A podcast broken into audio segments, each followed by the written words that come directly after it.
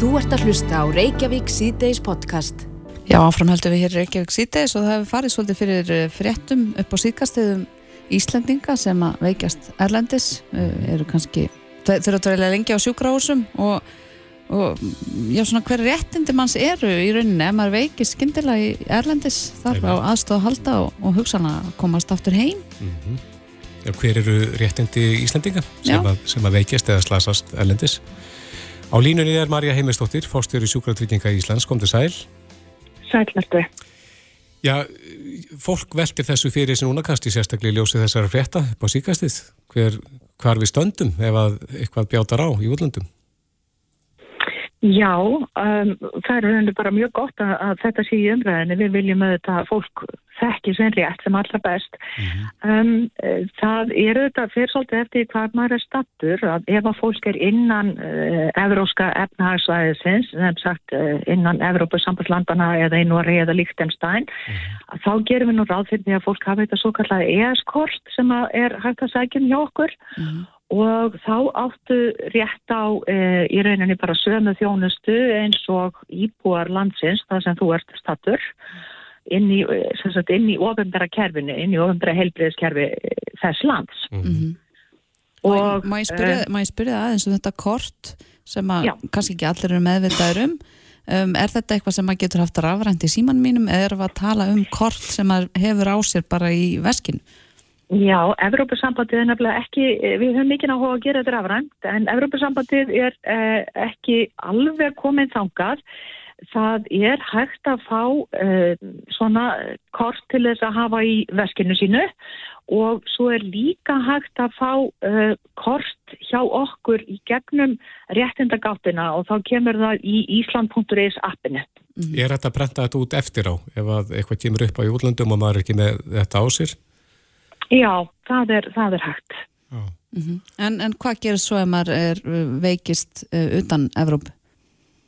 Já, að þá eru sérstakar reglur um greiðslu þáttöku í nöðsynleiri meðferði að bráða meðferð og þá er endur greitt eins og aðbyrðun hefði sagt, átt sér stað hérna á Íslandi þar að segja við greiðum um, það sem við hefðum greitt í þjónustunni hérna heima og ef að þjónustan kostar meira að þá eru greitt eh, ákveði hlutfall af þessum umframkostnaði.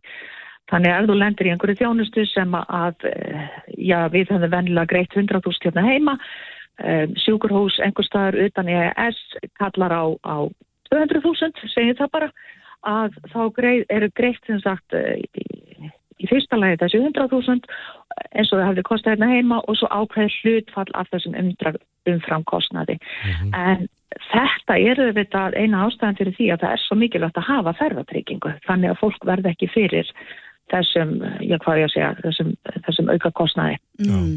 Hvað með bandaríkin? Ég veit að margir hugsa þángað? Já, þetta er einmitt eh, regluverki sem gildir þar. Að ef að þú ert í bandaríkunum að þá myndum við greiða þjónustuna eins og hún hefði átt sér stað hér og nú er náttúrulega helbriðstjónustu þar talsvært dýrari yfir leik heldur en hér, þá myndum við greiða hlutfalla þessum umframkostnaði uh mhm. -huh. og, og svo er þá mikilvægt að þú hafið ferðartryggingu til þess að taka restina, þannig annars lendir það bara á notandarinn. Mm. Erum við að tala um hvaða þjónustu sem er? Eh, já, við erum yfirlegt að tala um eh, sem sagt, já, nöðsynlega eða, eða bráða meðferð eh, undir þessu regluverki. Mm -hmm. En síðan eru aðra reglur ef að fólk til dæmis um, ákveður að fara til útlanda vegna beðar eftir þjónustu hérna heima, þá er annar regluverk sem gildur um það. Mm -hmm. Þannig að þetta er svona skindileg veikindi ef maður lendur í einhvers konar slísi eða eitthvað slíkt. Já, svona, ef maður er svona já, bara ferðast erlendis. Eh, maður hefur ekki farið sérstaklega til þess að leita eftir stjónustu. Ef, ef það eru aðra veikist... reglur sem að, að gilda það. Einmitt, af því að þú byrjaður að því að nefna hérna Eslandin eða Spílandin. Já. Ef að fólk veikist eða slasast inn að þess svæðis, eh, koma sjúkratryggingar eitthvað að málum þar? Greiður Íslenska Jú. ríkið eitthvað fyrir sjúkrakostnaðin? Ef, ef það er innan Evropasambandsins. Já. Jú, það er einmitt, þá er ES-kortið í, í gildi. Já, þannig að Íslenska ríkið tekur þátt í kostnaði við meðferðin erlendis. Já, þetta er í rauninni þannig að þú átt þá bara rétt á að fá þjónustuna innan ofnbæra kerfisins þar mm. og síðan er kostnærin gerður upp á milli landana eftir á. Mm. Þannig að þú átt ekki að þurfa að sko leggja út fyrir því. En segjum sem svo að, að fólk jafnvel liggi í marga vikur eða mánuði inn á sjúkrási erlendis. Er engin tímamörk á því hvað við eigum rétt á þjónustinni lengi? Um, nei, það er rauninni, nei, nei, það er rauninni bara uh, verður þó að meta það út frá, út frá ástandi sjúklingsins, þetta er bara nöðsili meðferð og hérna að, að um, þetta kort á þá að dekka uh, til dæmis sjúkrahúsvist meðan það er metið svo að þú þurfir að vera sjúkrahúsi. En metið því það aldrei svo að það sé betra að fá sjúklingin heim? Heldur það um, að láta líka á elendis? það er uh, yfirlegt ekki gert ráð fyrir slíku mati heldur að þetta sé klínist mat uh, á því sjúkrahúsi að, hérna, að þeir meti uh, hvenar sjúklingur er ferðafær eða og það er ekki gert ráð fyrir því í lögunum um sjúkratryggingar og það er ekki tekið á þessu innan sem sagt reglana sem gilda á Evróska efnarsvæðinu. Mm. Það er ekki gert ráð fyrir því. En maður velti fyrir sig hvort að eh, gæti einhvern tilveikum jáfnvel borga sig að, að fá sjúkling heim í staðin fyrir að hann liggi erlendis á sjúkrahúsi? Um, það er nú þannig að sjúkrahúskostnaður innan ofinbjörgarkerfana í Evrópu er almennt ekki herri heldur en á, heldur en á uh, Íslandi og þá miðum við landsbítalans að því að það eru mestar upplýsingar til um kostnaði þar.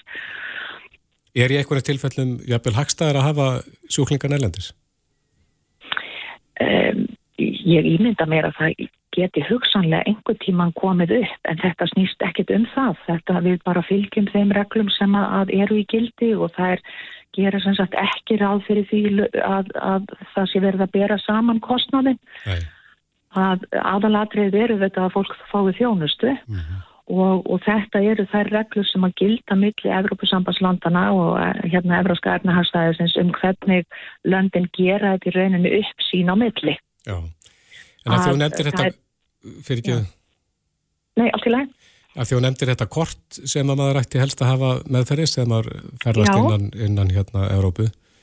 Þetta er að fólk sé döglegt að, að hafa það meðferðis?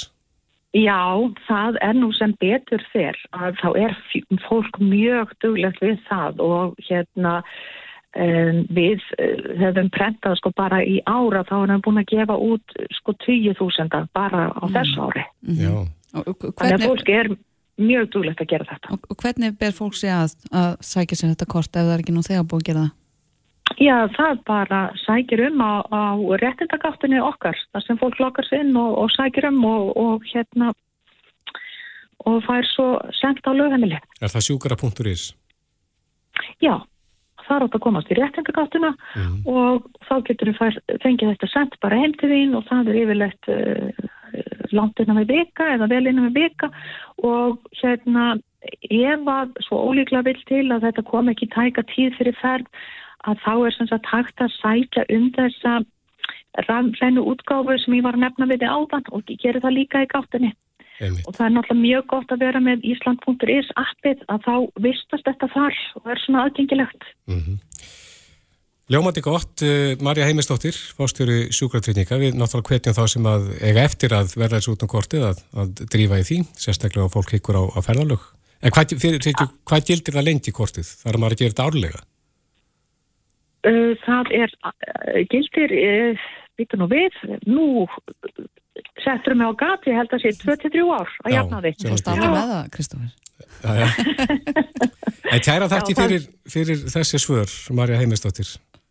Okkar er ánægðan, takk að kærlega fyrir. Verðið blessuð. Þú ert að hlusta á Reykjavík C-Days podcast.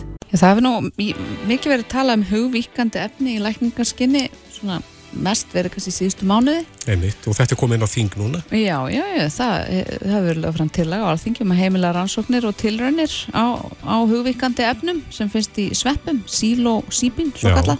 Manni sínist bara að vera nokkuð breið samstafa á þingi um þetta mál.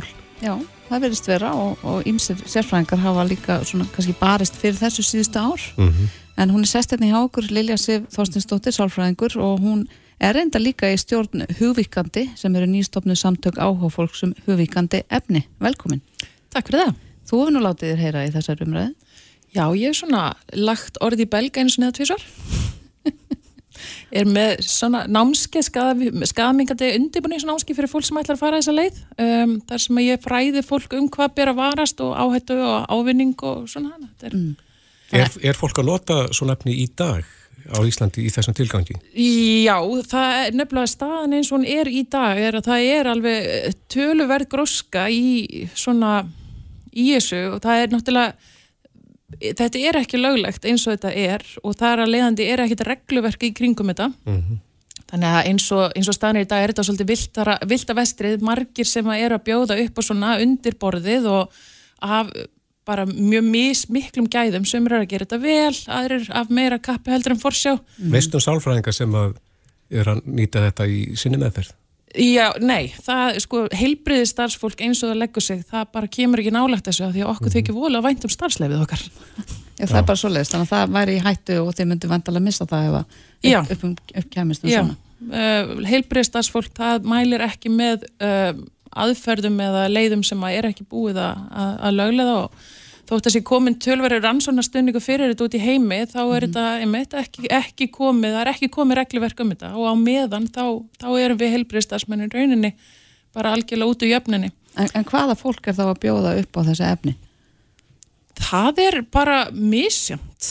Uh, það eru, það eru aðlar sem að ég veit til þess að svona eru bara í þessu uh, og ég held sko að á þess að ég sé eitthvað beinleins með einhverju rosalega yfirsinn yfir þetta af því ég náttúrulega vil heldur ekki koma of nálægt þessu en uh, ég held að þetta sé svona mestmægnis uh, bara fólk sem að hefur eða mikið til fólk sem að hefur fengið góða raun af þessu sjálft og vill, uh, vill gefa öðrum sama, sama svona sömu gjöf eða þannig mm -hmm. En maður getur ímyndað sér að, að, að nota svona efni sem að kannski er öðri sem það efni sem við erum vönd að það þurfi þá að gera það undir handleyslu sérfræðings.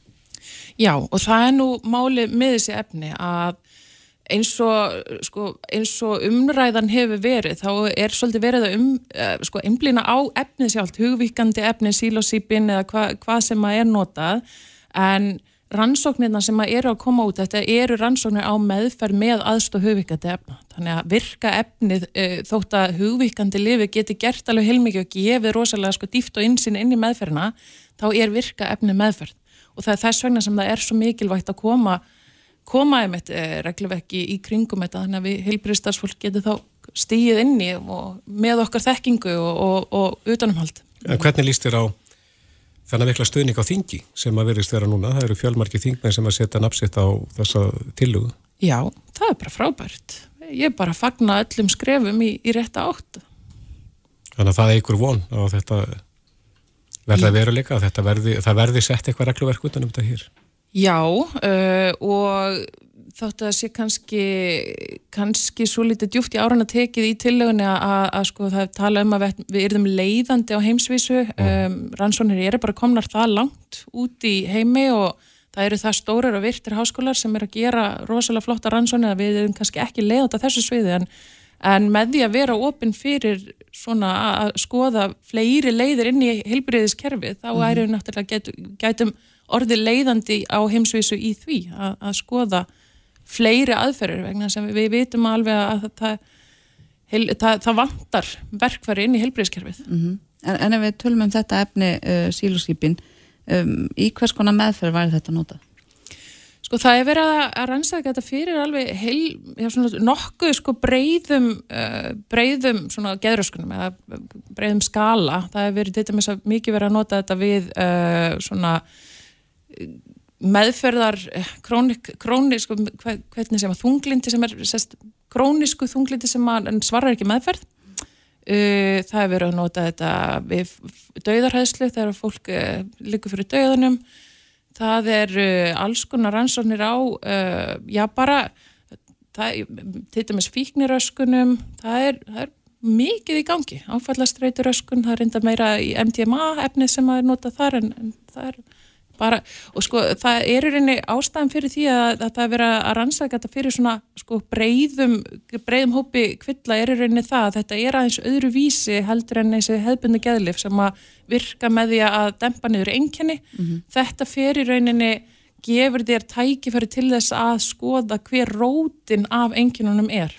Þú nefndir hérna MDMA, Já. er verið að nota semst fleiri hugvíkandi efni í þessum tilgangi? Já, sko sílosípin er uh, hluti af svo kallum klassísku hugvíkandi efni, klassík psychedelics. Uh, eh, MDMA er ekki svona þess, þetta klassíska í þessum skilningi eins og psychedelics er. Þetta er svo kallar samkendalif eða empathogen. Er þetta sem við þekkjum undir eh, heitinu e-töfla? Já.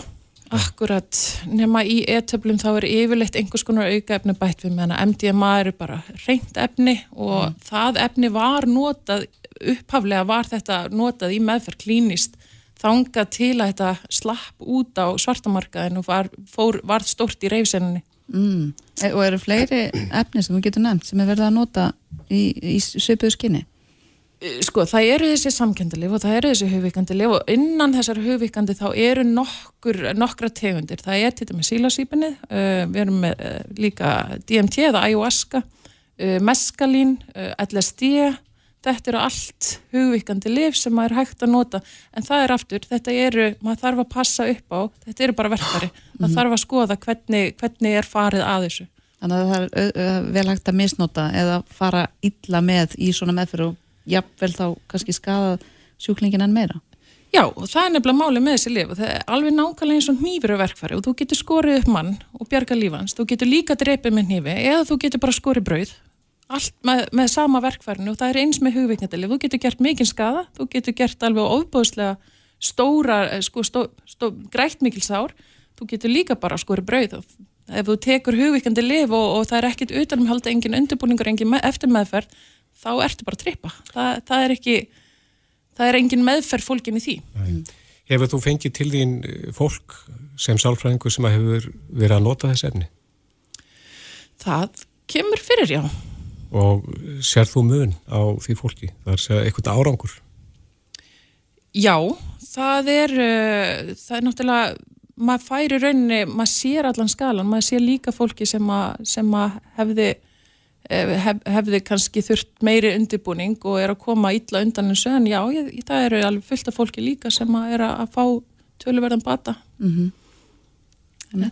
Já, það er kannski einhverju sem er að hlusta sem að verða kannski svolítið kvumsa þegar þú byrjar að tellja upp LSD og MDMA og verða kannski svona sjálfkrafa svolítið á móti þessari þróun Já, akkurat og ég skilða bara rosalega vel eh, það, það er þetta er ákveðin kanninóla sem að maður kannski dettir ofan í þegar maður fer að opna, opna fyrir að skoða þessa rannsónir. Þetta er náttúrulega þetta voru stór efni hérna til dæmis eins og já, þetta var í rauninni bannaða pólitískum ástæðum hérna í kringum 1970 og það væri hægt að fara sko, heila, heila hérna ég geti sagt langa sögum það. En bara mæli með námskeiðinu mínu fyrir það. Þar fer ég svolítið í söguna. En það er, já, það, það ég bara skilða vel. Uh, og ég sjálf uh, var mjög hörða mótið þessum efnum þánga til að ég fóra að skoða þessar rannsóknir. Mm -hmm. Hverjir eru leiðandi í rannsóknum á þessu dag? Til dæmis er Imperial College í London uh, einn af þessum stærstu Læknatildin þar? Uh, já, sálfræðdeildin held ég mm -hmm. uh, og síðan John Hopkins háskóli, mjög stóri í þessu líka Berkeley háskóli er komið með það er eiginlega flestir af þessum stóru virta háskólum eru komið með uh, rannsóknar í þessu og sögum með heilu fagdeildirnar, bara helgar þessu Þannig að vantar bara háskólan hér Ég, Það væri náttúrulega mjög áhugavert að sjá einhvers konar nám fara hér en það, við skulum byrja á þessari þingsálitinu til þau mm -hmm. Það verður svona hóflega bjart sín Já, en uh, ég fagnaði að, að, að það sé einhvers konar dreifingur um að setja einhvers konar reglverk um þetta, það er bara mjög jákvægt. Mm -hmm. Já, þetta verður vantalega meira í umræðinni næstu vikum og mánuðum, kannski árum. Eh, Lilja Sif Þorstensdóttir, sálfræðingur, sem sittur einni í stjórn hugvíkandi með nýstofnum samtökum áhuga fólksum hugvíkandi efni. Takk kærlega fyrir spjalli. Takk fyrir mig. Þetta er Reykjavík C-Days podcast. Já, það var tilkynnt um uh, stýrivaksta hækkun í morgun. Mm -hmm. uh, ein af nokkurum í, í röð. Uh, stýrivaksta hækkun 0,25% stýri í morgun. Mm -hmm.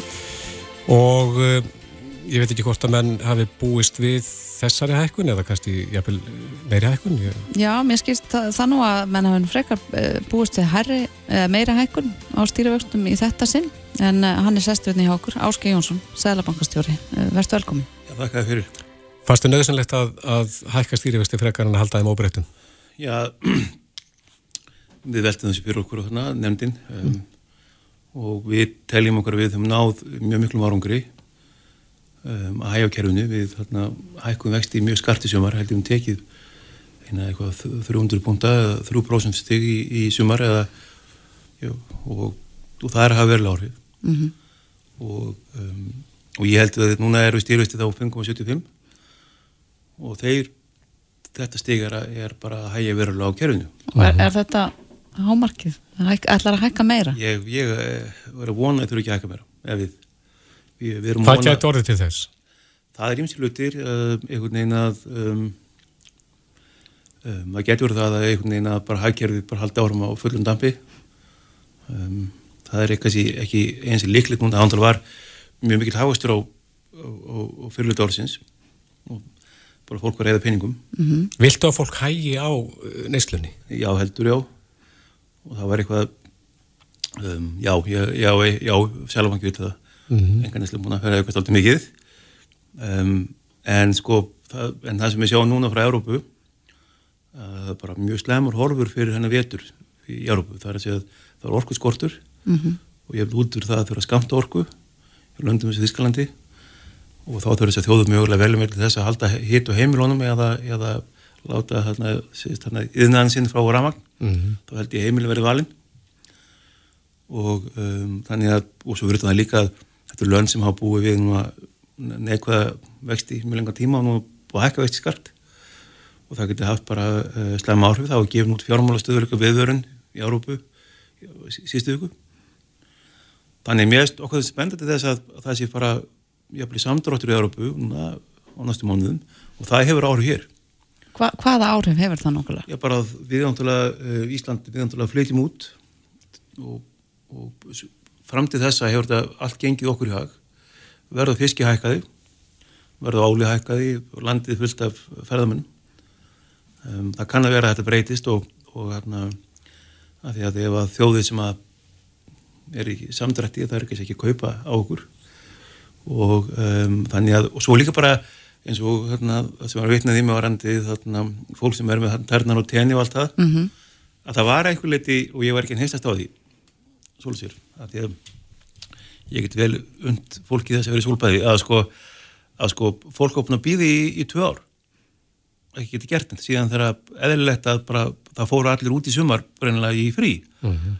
en, þarna, og, og kefti sér alls mánu hluti uh mhm.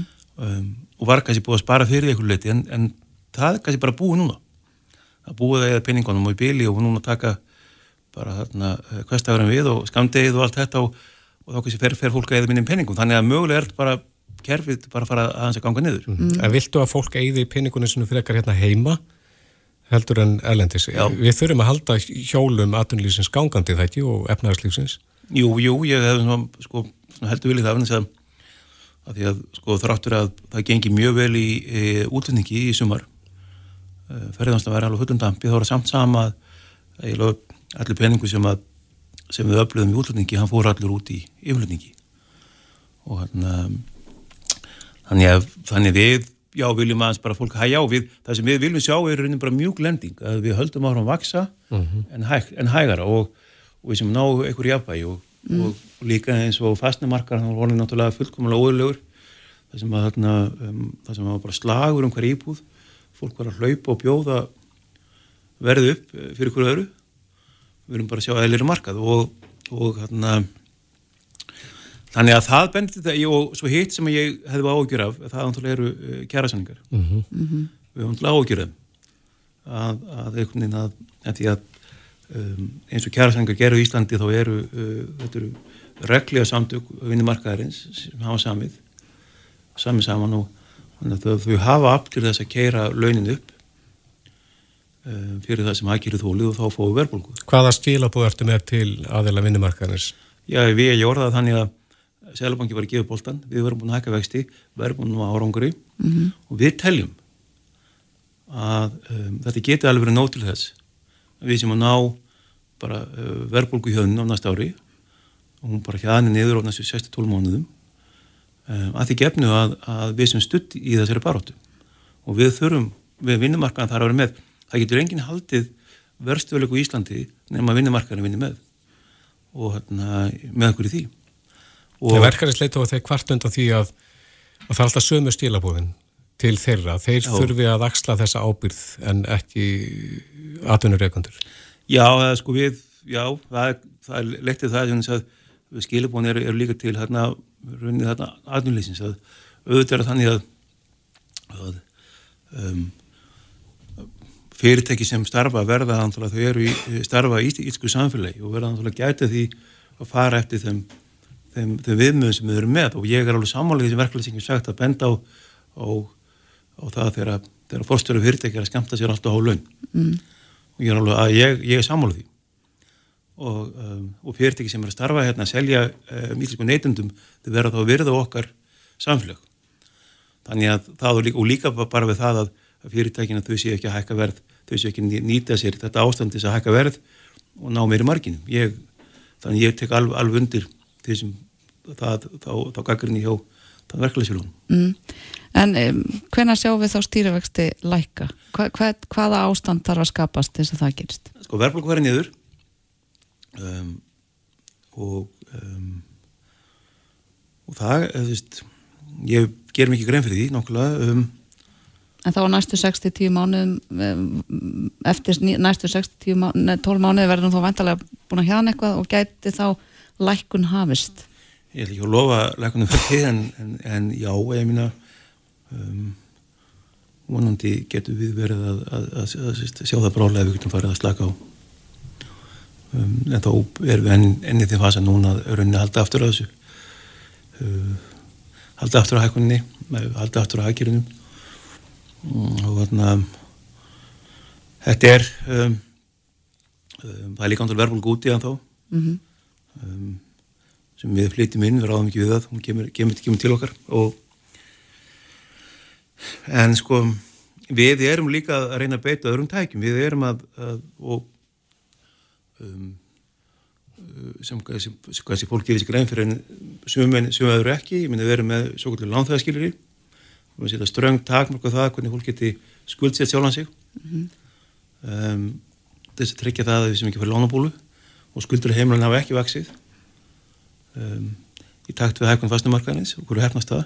Svo erum við bara líka við, fólk gerir sér grein fyrir því. Við erum, erum með uh, höldum aftur á bankunum og lánveitindum líka aftur á markanum bæði með öflugu fjármálættiliti og líka uh, fjármálættilskýrðum það er margvillig sko, skilir þess að við erum búin að setja markan.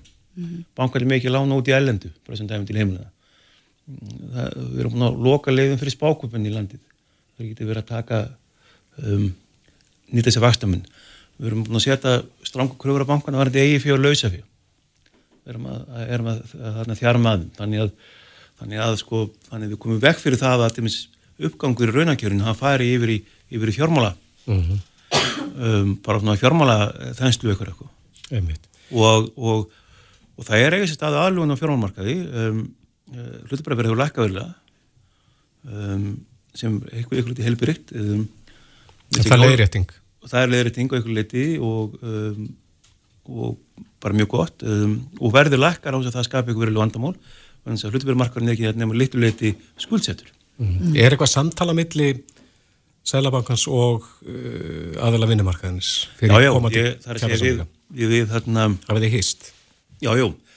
Og, og þarna það, það við eh, meðsmannum millir fjalla um, við hittumst eitthvað luti í þjóðasaráði með, með þarna fósiráðara sem Sælabankin er.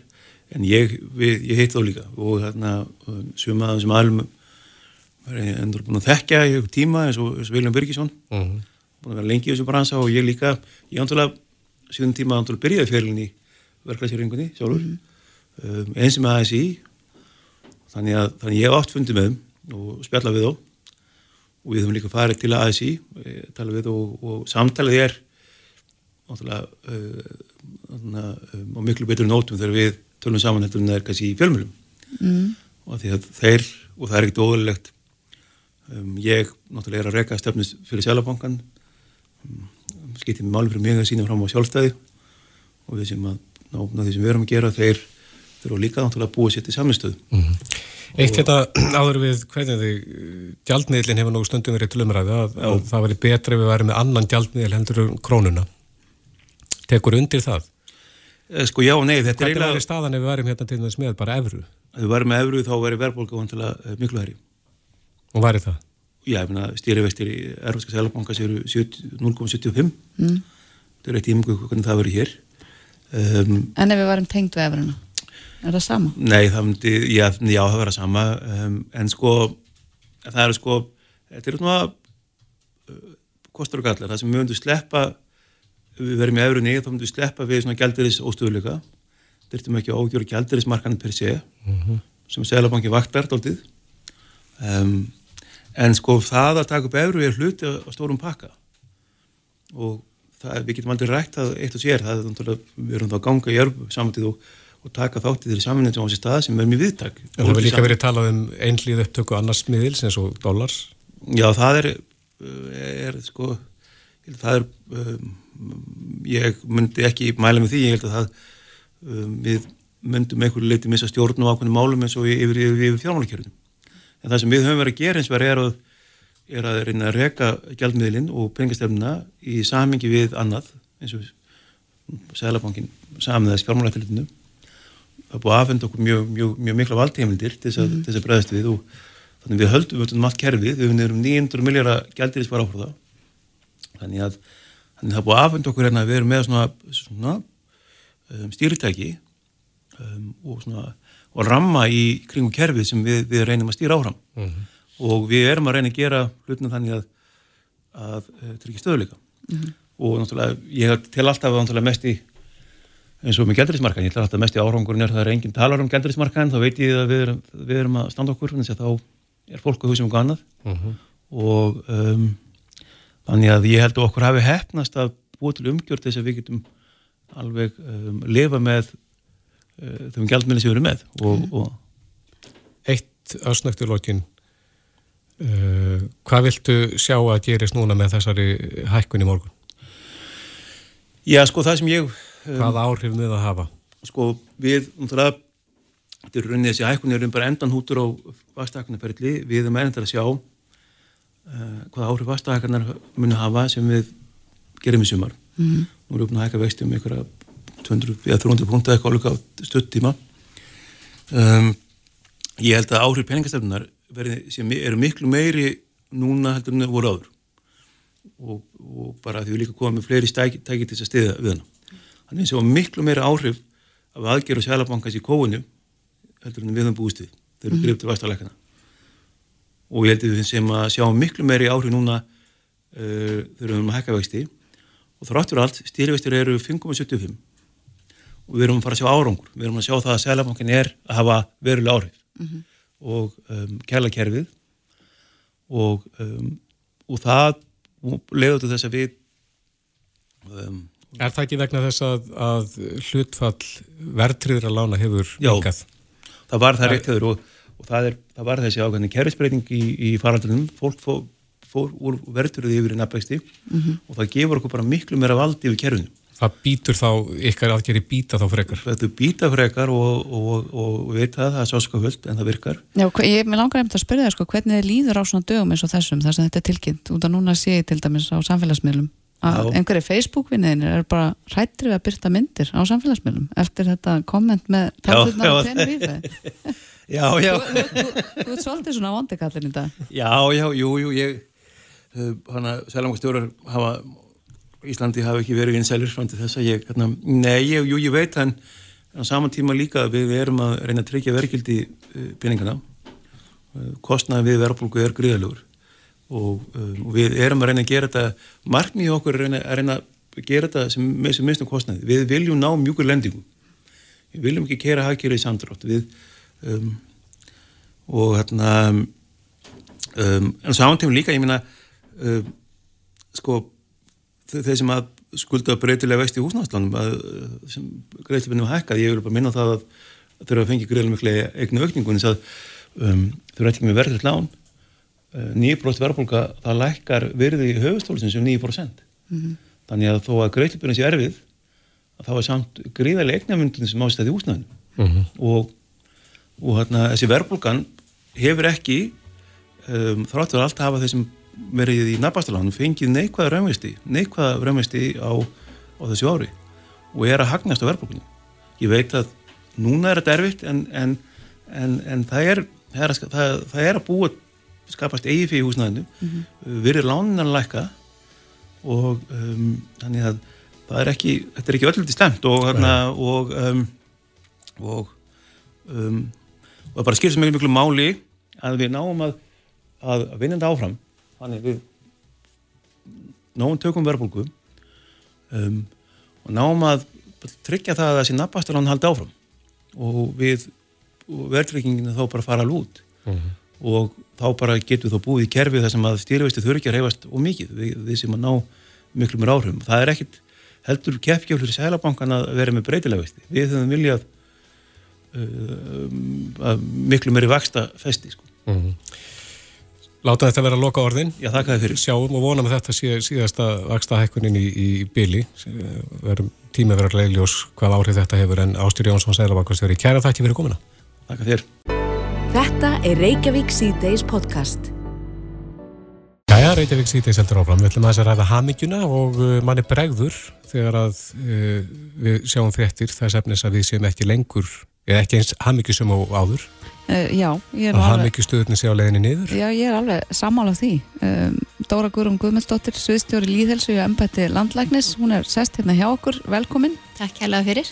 Já, þið hefur nú verið að mæla hafmyggju með fullorðina og barna um ansi langt skeið, eða ekki? Jú, við, við erum hérna með hafmyggju, mælingur og hafmyggju fullorðina og erum með þær mánæðilega hjá embættinu sem Gallup framkvæm fyrir okkur og fylgjast með og svo erum við í náni samstarfi við rannsókn og greiningar sem að hérna mæla hafmyggi ungmenna mm -hmm. og, er, og bara senda í skólana og við erum til dæmis að skoða 15 ára komil börn og getum skoðað aftur í tíman aldrei 2002 og fylgst með þróuninni. Mm. En eru við óhafmyggjusamari eða bara minna hafmyggjusum? Já, góð spurning.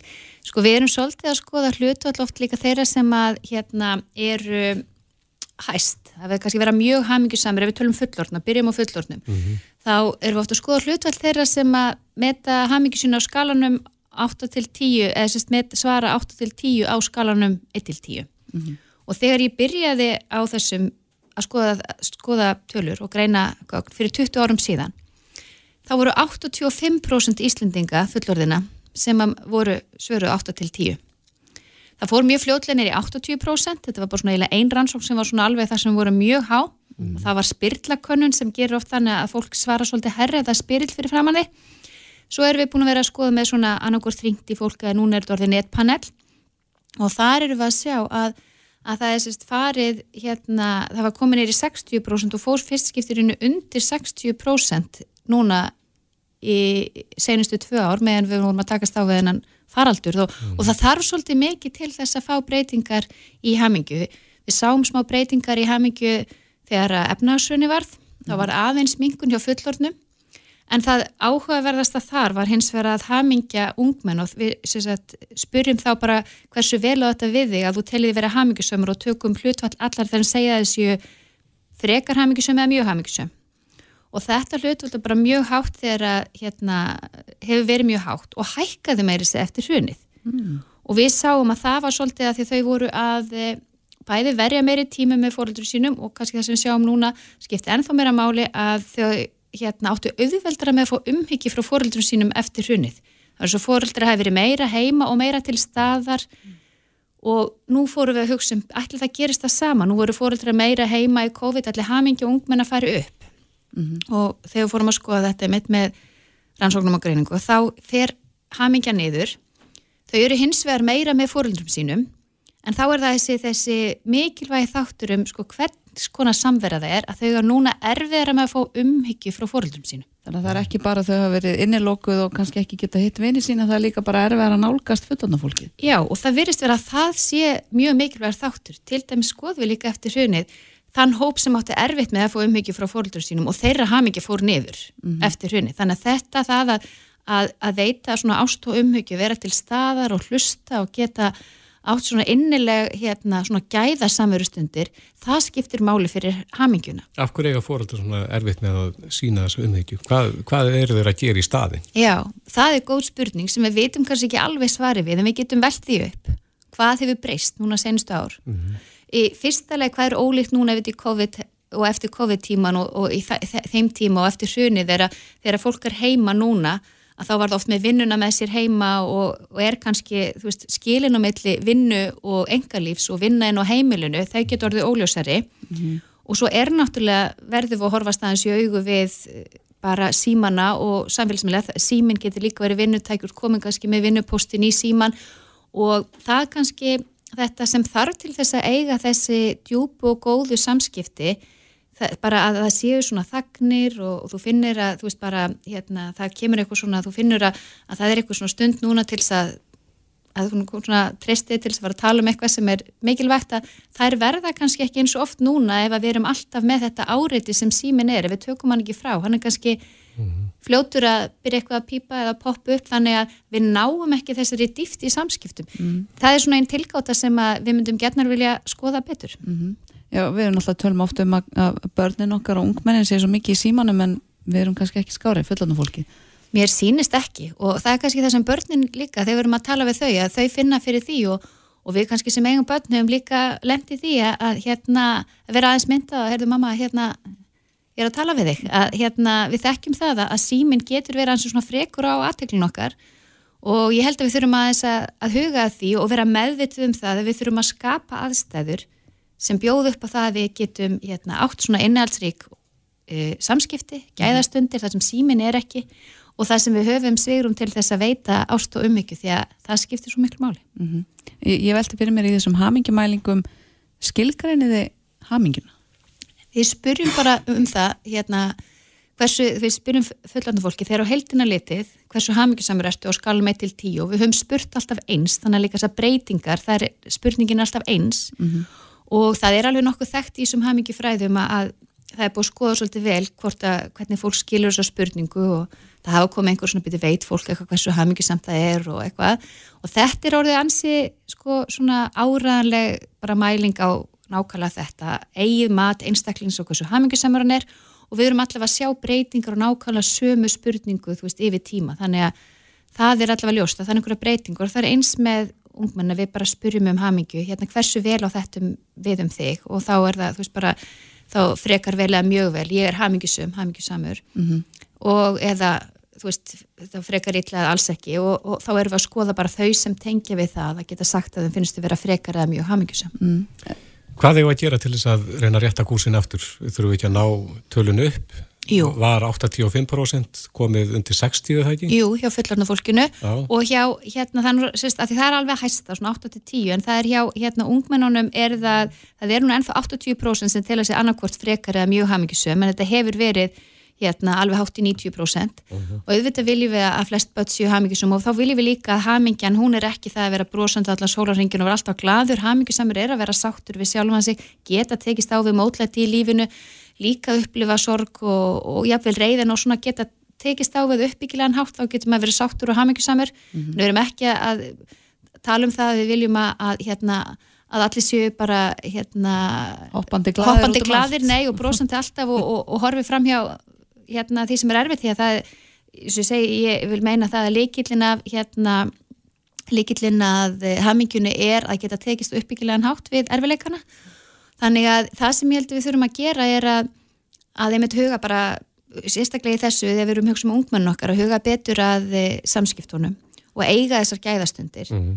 og, hérna, og veita ástofumökjuð til hérna, barnan okkar og til hvers annars og, og vera svolítið meðvitið um það hérna, hvaða er sem gerur okkur hamingisum og, og verja tíma í það. Mm -hmm. Ég held að það skiptir máli og það er einmitt, en ég held líka að það er margt búið að breytast að við erum með miklu meiri orðaforða í dag varðandi tilfinningar okkar heldur en eins og við byrjum fyrir 20 árum síðan fólk hafa kannski ít spáð mikið, já ég er hamingisamur núna er kannski allt í lægi að vera kannski aðeins minna hamingisamur og, og hérna einhver tíma en svo er ég að vinna í þessu og það er rauninni allt í góðu en mm. við viljum bara að fólk, fólki líði vel, geti tekist á það áskoranir og hérna hafi svona nokkuð góð lífskeiði og, og þá þurfum við bara að að vera svolítið meðvitum það hvað það er sem gera okkur hamingsum og það, það er ekkert sem að spáir meira fyrir um hamingju en góð félagslega tengsl. Er, er ekki líklega að hamingju sem við foreldrar eigi hamingju sem börn?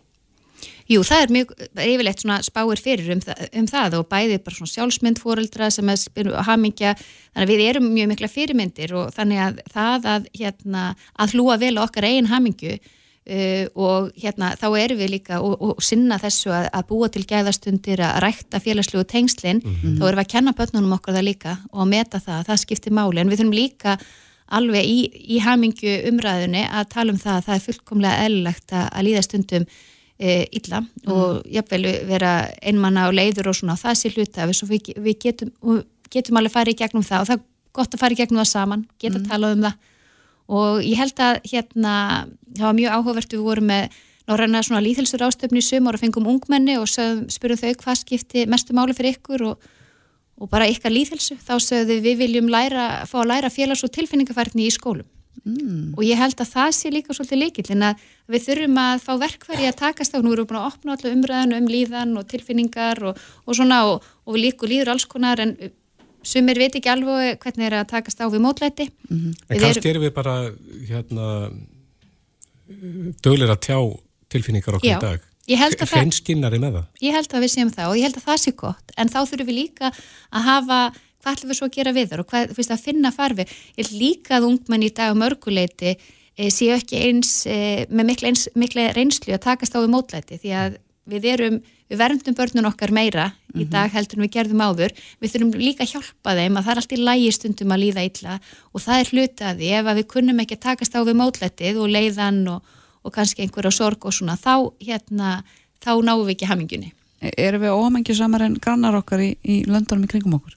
Nei, við erum það ekki. Við hefum neyvilt verið svona og, og, hérna toppnum og við höldum okkur á toppnum þó að við hefum dotti niður í meðaltali svona þarna frá fyrstu mælingum sem voru svona, fórum alveg upp í 8-5 og varum 8, mm. þá erum við svona dottinir í 7-5 og í alltaf, það er alltaf svona alþjóðlega kannanir gerðar á hverju ári og samanburður og við erum alltaf í topp 5. Það er gott. En við erum ekki í topp 1 en við þurfum að komast þánga. Já, við stefnum þánga. Heldur betur. Uh, Dóra Guðrun Guðmundsdóttir, Svistjóri Líðhelsu og Embætti Landlæknis. Takk hjálpa fyrir spjallið. Takk sem leis. Reykjavík síðdeis á Bilginni podcast.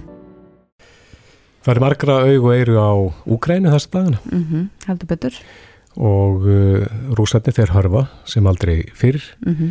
og hafa hótað uh, að nota kjarnokku opn í þessu stríði sem hefur vækið aug og óta. Já, maður veit ekki hverju maður að taka alvarlega lengur. Það Nei. eru margar yfirlýsingar búin að fljúa síðustu mánuð. David Petreus, uh, hersöðingi fyrirandi í bandarækja hér, hann hefur nú svarað þessu í viðtölum við fjölmila, hvað mm. muni gerast ef að rúsar beita þessum litlu taktísku tjarnokuvopnum mm -hmm. en hann er komin til okkar til að ræða þetta sá sem veit miklu meirum varnamál heldur en við Friðrik Jónsson, sérfræðingur í öryggis og varnamálum, velkomin Takk fyrir það Hvað, hvað, fyrir, hvað sagði David Petrius, hvernig munu banda með svara og NATO? Sko það sem Petrius, eh, sagði og hann skilir til það með að hann væri náttúrulega ekki, hann er komin á eftirlaun og, og hérna sagðist ekki að var rætt við yfirvöld mm -hmm. en þetta voru hans vangaveltur um það hvað með hvað hætti hætt var að svara rúsum ef að þeir gengu svo langt að, að beita hjarnáfnum uh, samt er stað Petrejus Tannig þó hann sé nú komin á eftirlaun að hann er nú ágætlega vel tengdur og, og ég efast um að hann hefði mætt í, í, á CBS sem gerði og talað svona fjálglega öðruvis heldur en hafa eitthvað rætt um það við allavega einhvern mm -hmm. hver, hver það var er, veit nú engin og vandist líkt að spá og svo framvegis en, en, en, en Petreus kemur ekki fram að tala með þessum hætti e, svona e, alveg út úr eitthvað starf út úr tóminu e, en augljóslega ekki ofinbyr stefna bandarækjamanna sem ef eitthvað gerðist. E, en þetta eru vangaveltur sem koma frá e, alvöru manni sem er alvöru tengdur og þetta er hluti af hvað við segja, í raun og veru fælingunni sem er verið að vinna að, að einhverju sendi skilabóð við erum búin að heyra það og sjá líka í fréttum að, að bandari stjórnvöld hafi verið í beinu samskiptu við rúsa að vara þá við hvað mun, muni mögulega gerast ef að þeir reyfi sig eitthvað varandi kjarnavapnin mm -hmm. en í þessu þá er alltaf skilabóð sem eru sko á yfirborðinu og síðan skilabóð sem eru bak við tjöldin. Uh, skilabóðan á milli stjórnvaldan er eitthvað sem við fáum ekki að heyra eða sjá allan mjög takmarkað.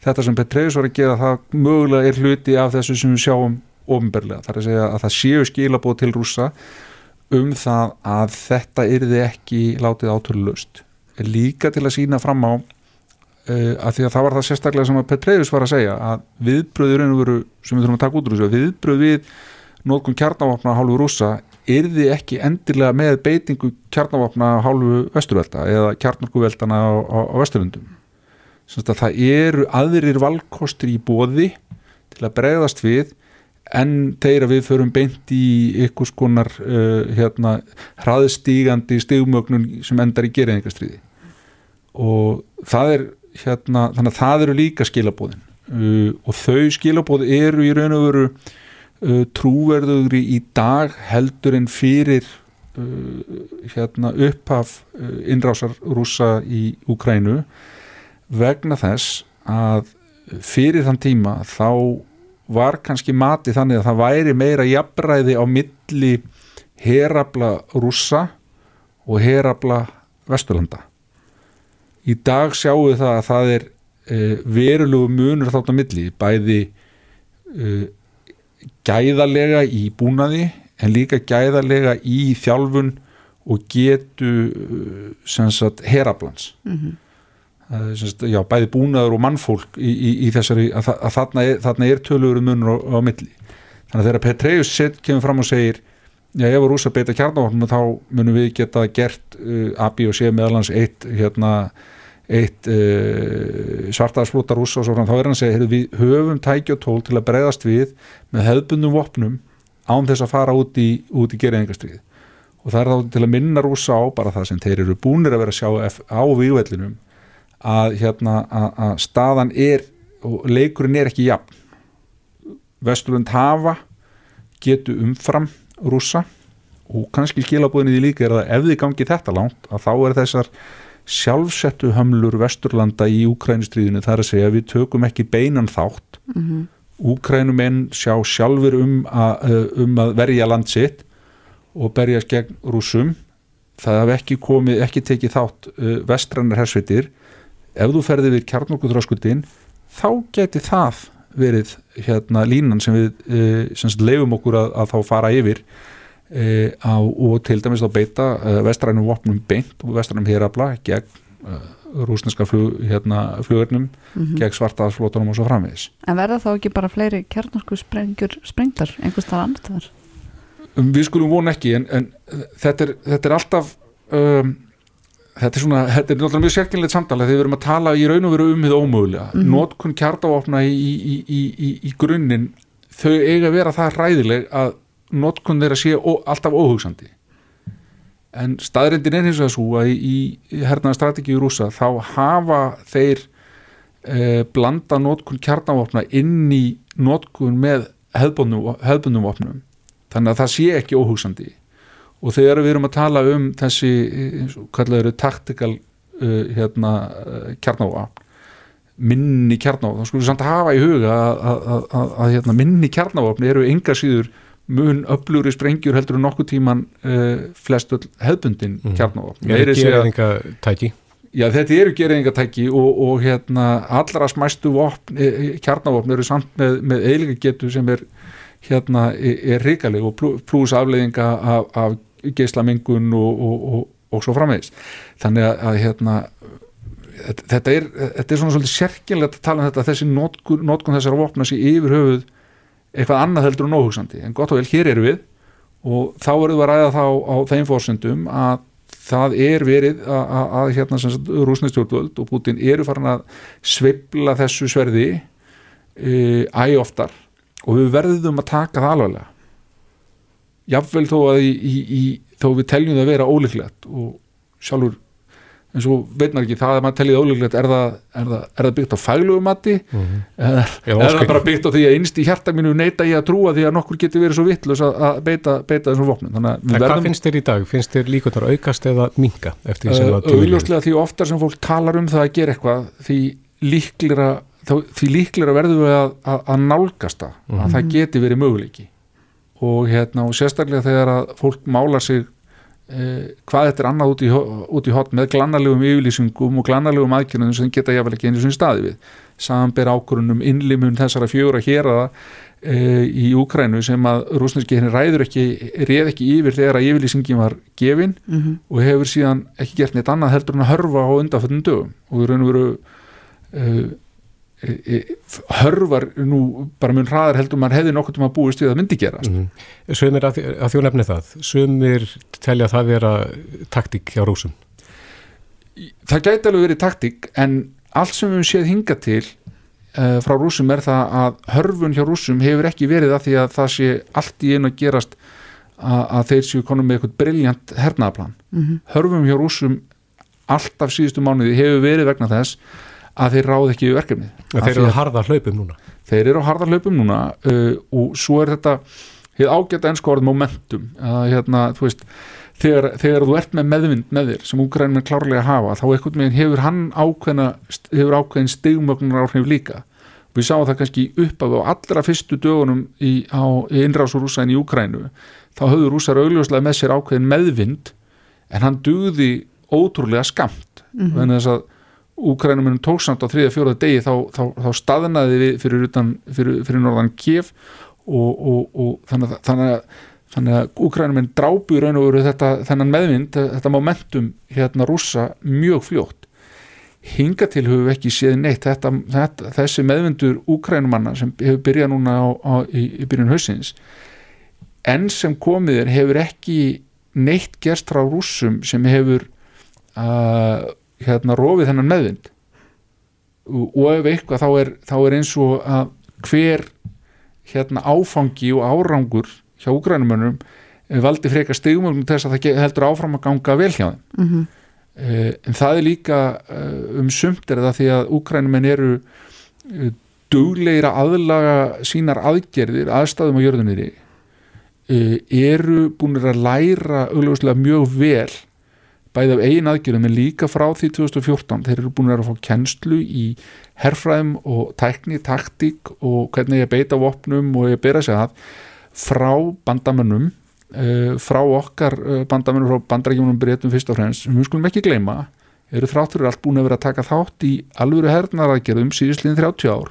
Balkanska, í Afganistan, í Írak sem við myndum segja ílluheitli en það breytir því ekki að úkrænumenn frá herjum mm -hmm. sem kunna þetta. Og, og hafa, verið virkri, hafa verið í virkri herþjónust og virkum aðgerðum núna í, í, í, í meirinn 30 ár. Meðan að rússar, það verður ekki satt að sama um þá því að þær aðgerði sem þeir hafa þó komið nálagt hafa verið frekar fáar.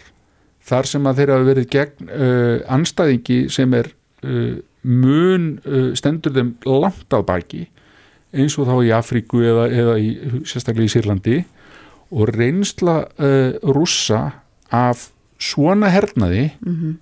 og sérstaklega þessum hér, hún er bara mjög takmörku þar allar á botnin gólt mm -hmm. og nú eru vantilega mjög margir óreindir rúsneskir hermenn uh, þarna á vývöldunum Já, það er raun og veru uh, svona eiginlega hræðilegt upp á að horfa, var að horfa sjá fréttir að því að það er með þess að hérna, nýfluttir uh, nýfluttir hermenn komnir á, á staðin eru fastir síðan lestum að því að nú er, það eru ekki, ekki bólusettir og það er COVID að brjótast út hjá þeim mm. og það er enga læknisastóð að fá og þetta er svona þessi mobilisering, þessi herútkanning er að breytast í í, í svona mennska tragedíu á, á tveimur stöðum, annars er hermenninni sjálfur og síðan þeir sem hafa flúið land Rétt eins í lokin, svona með við gangstriðsins núna og þennan hraða undanhald rúsa er fara að glitta í lokin?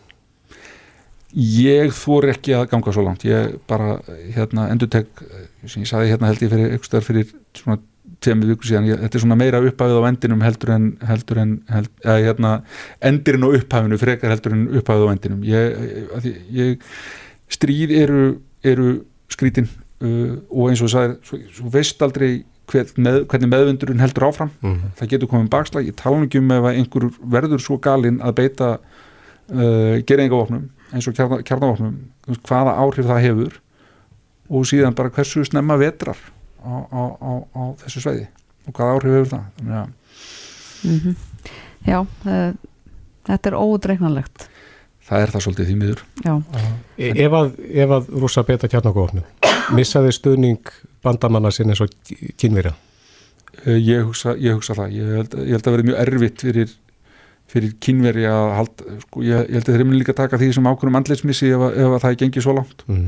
uh, það er mjög erfitt fyrir nokkra þjóð samakvorðið standi þessu að segja já, notkun kjarnorku góð hugmynd er, uh, þannig að það verður Norður Kórea og, og, og, og Rúsland og vantar ekki mikið meira heldur en það mun breyta dýnamíkinni við töluvert en enn og aftur skulum við krossa fingur og vona að, að það gerist ekki Heldur betur, eh, Friðrik Jónsson, sérfræðingur í Öryggis og Varnamálum, takk kjærlega fyrir spjallið. Takk. Hlustaðu hvena sem er á Reykjavík C-Days podcast.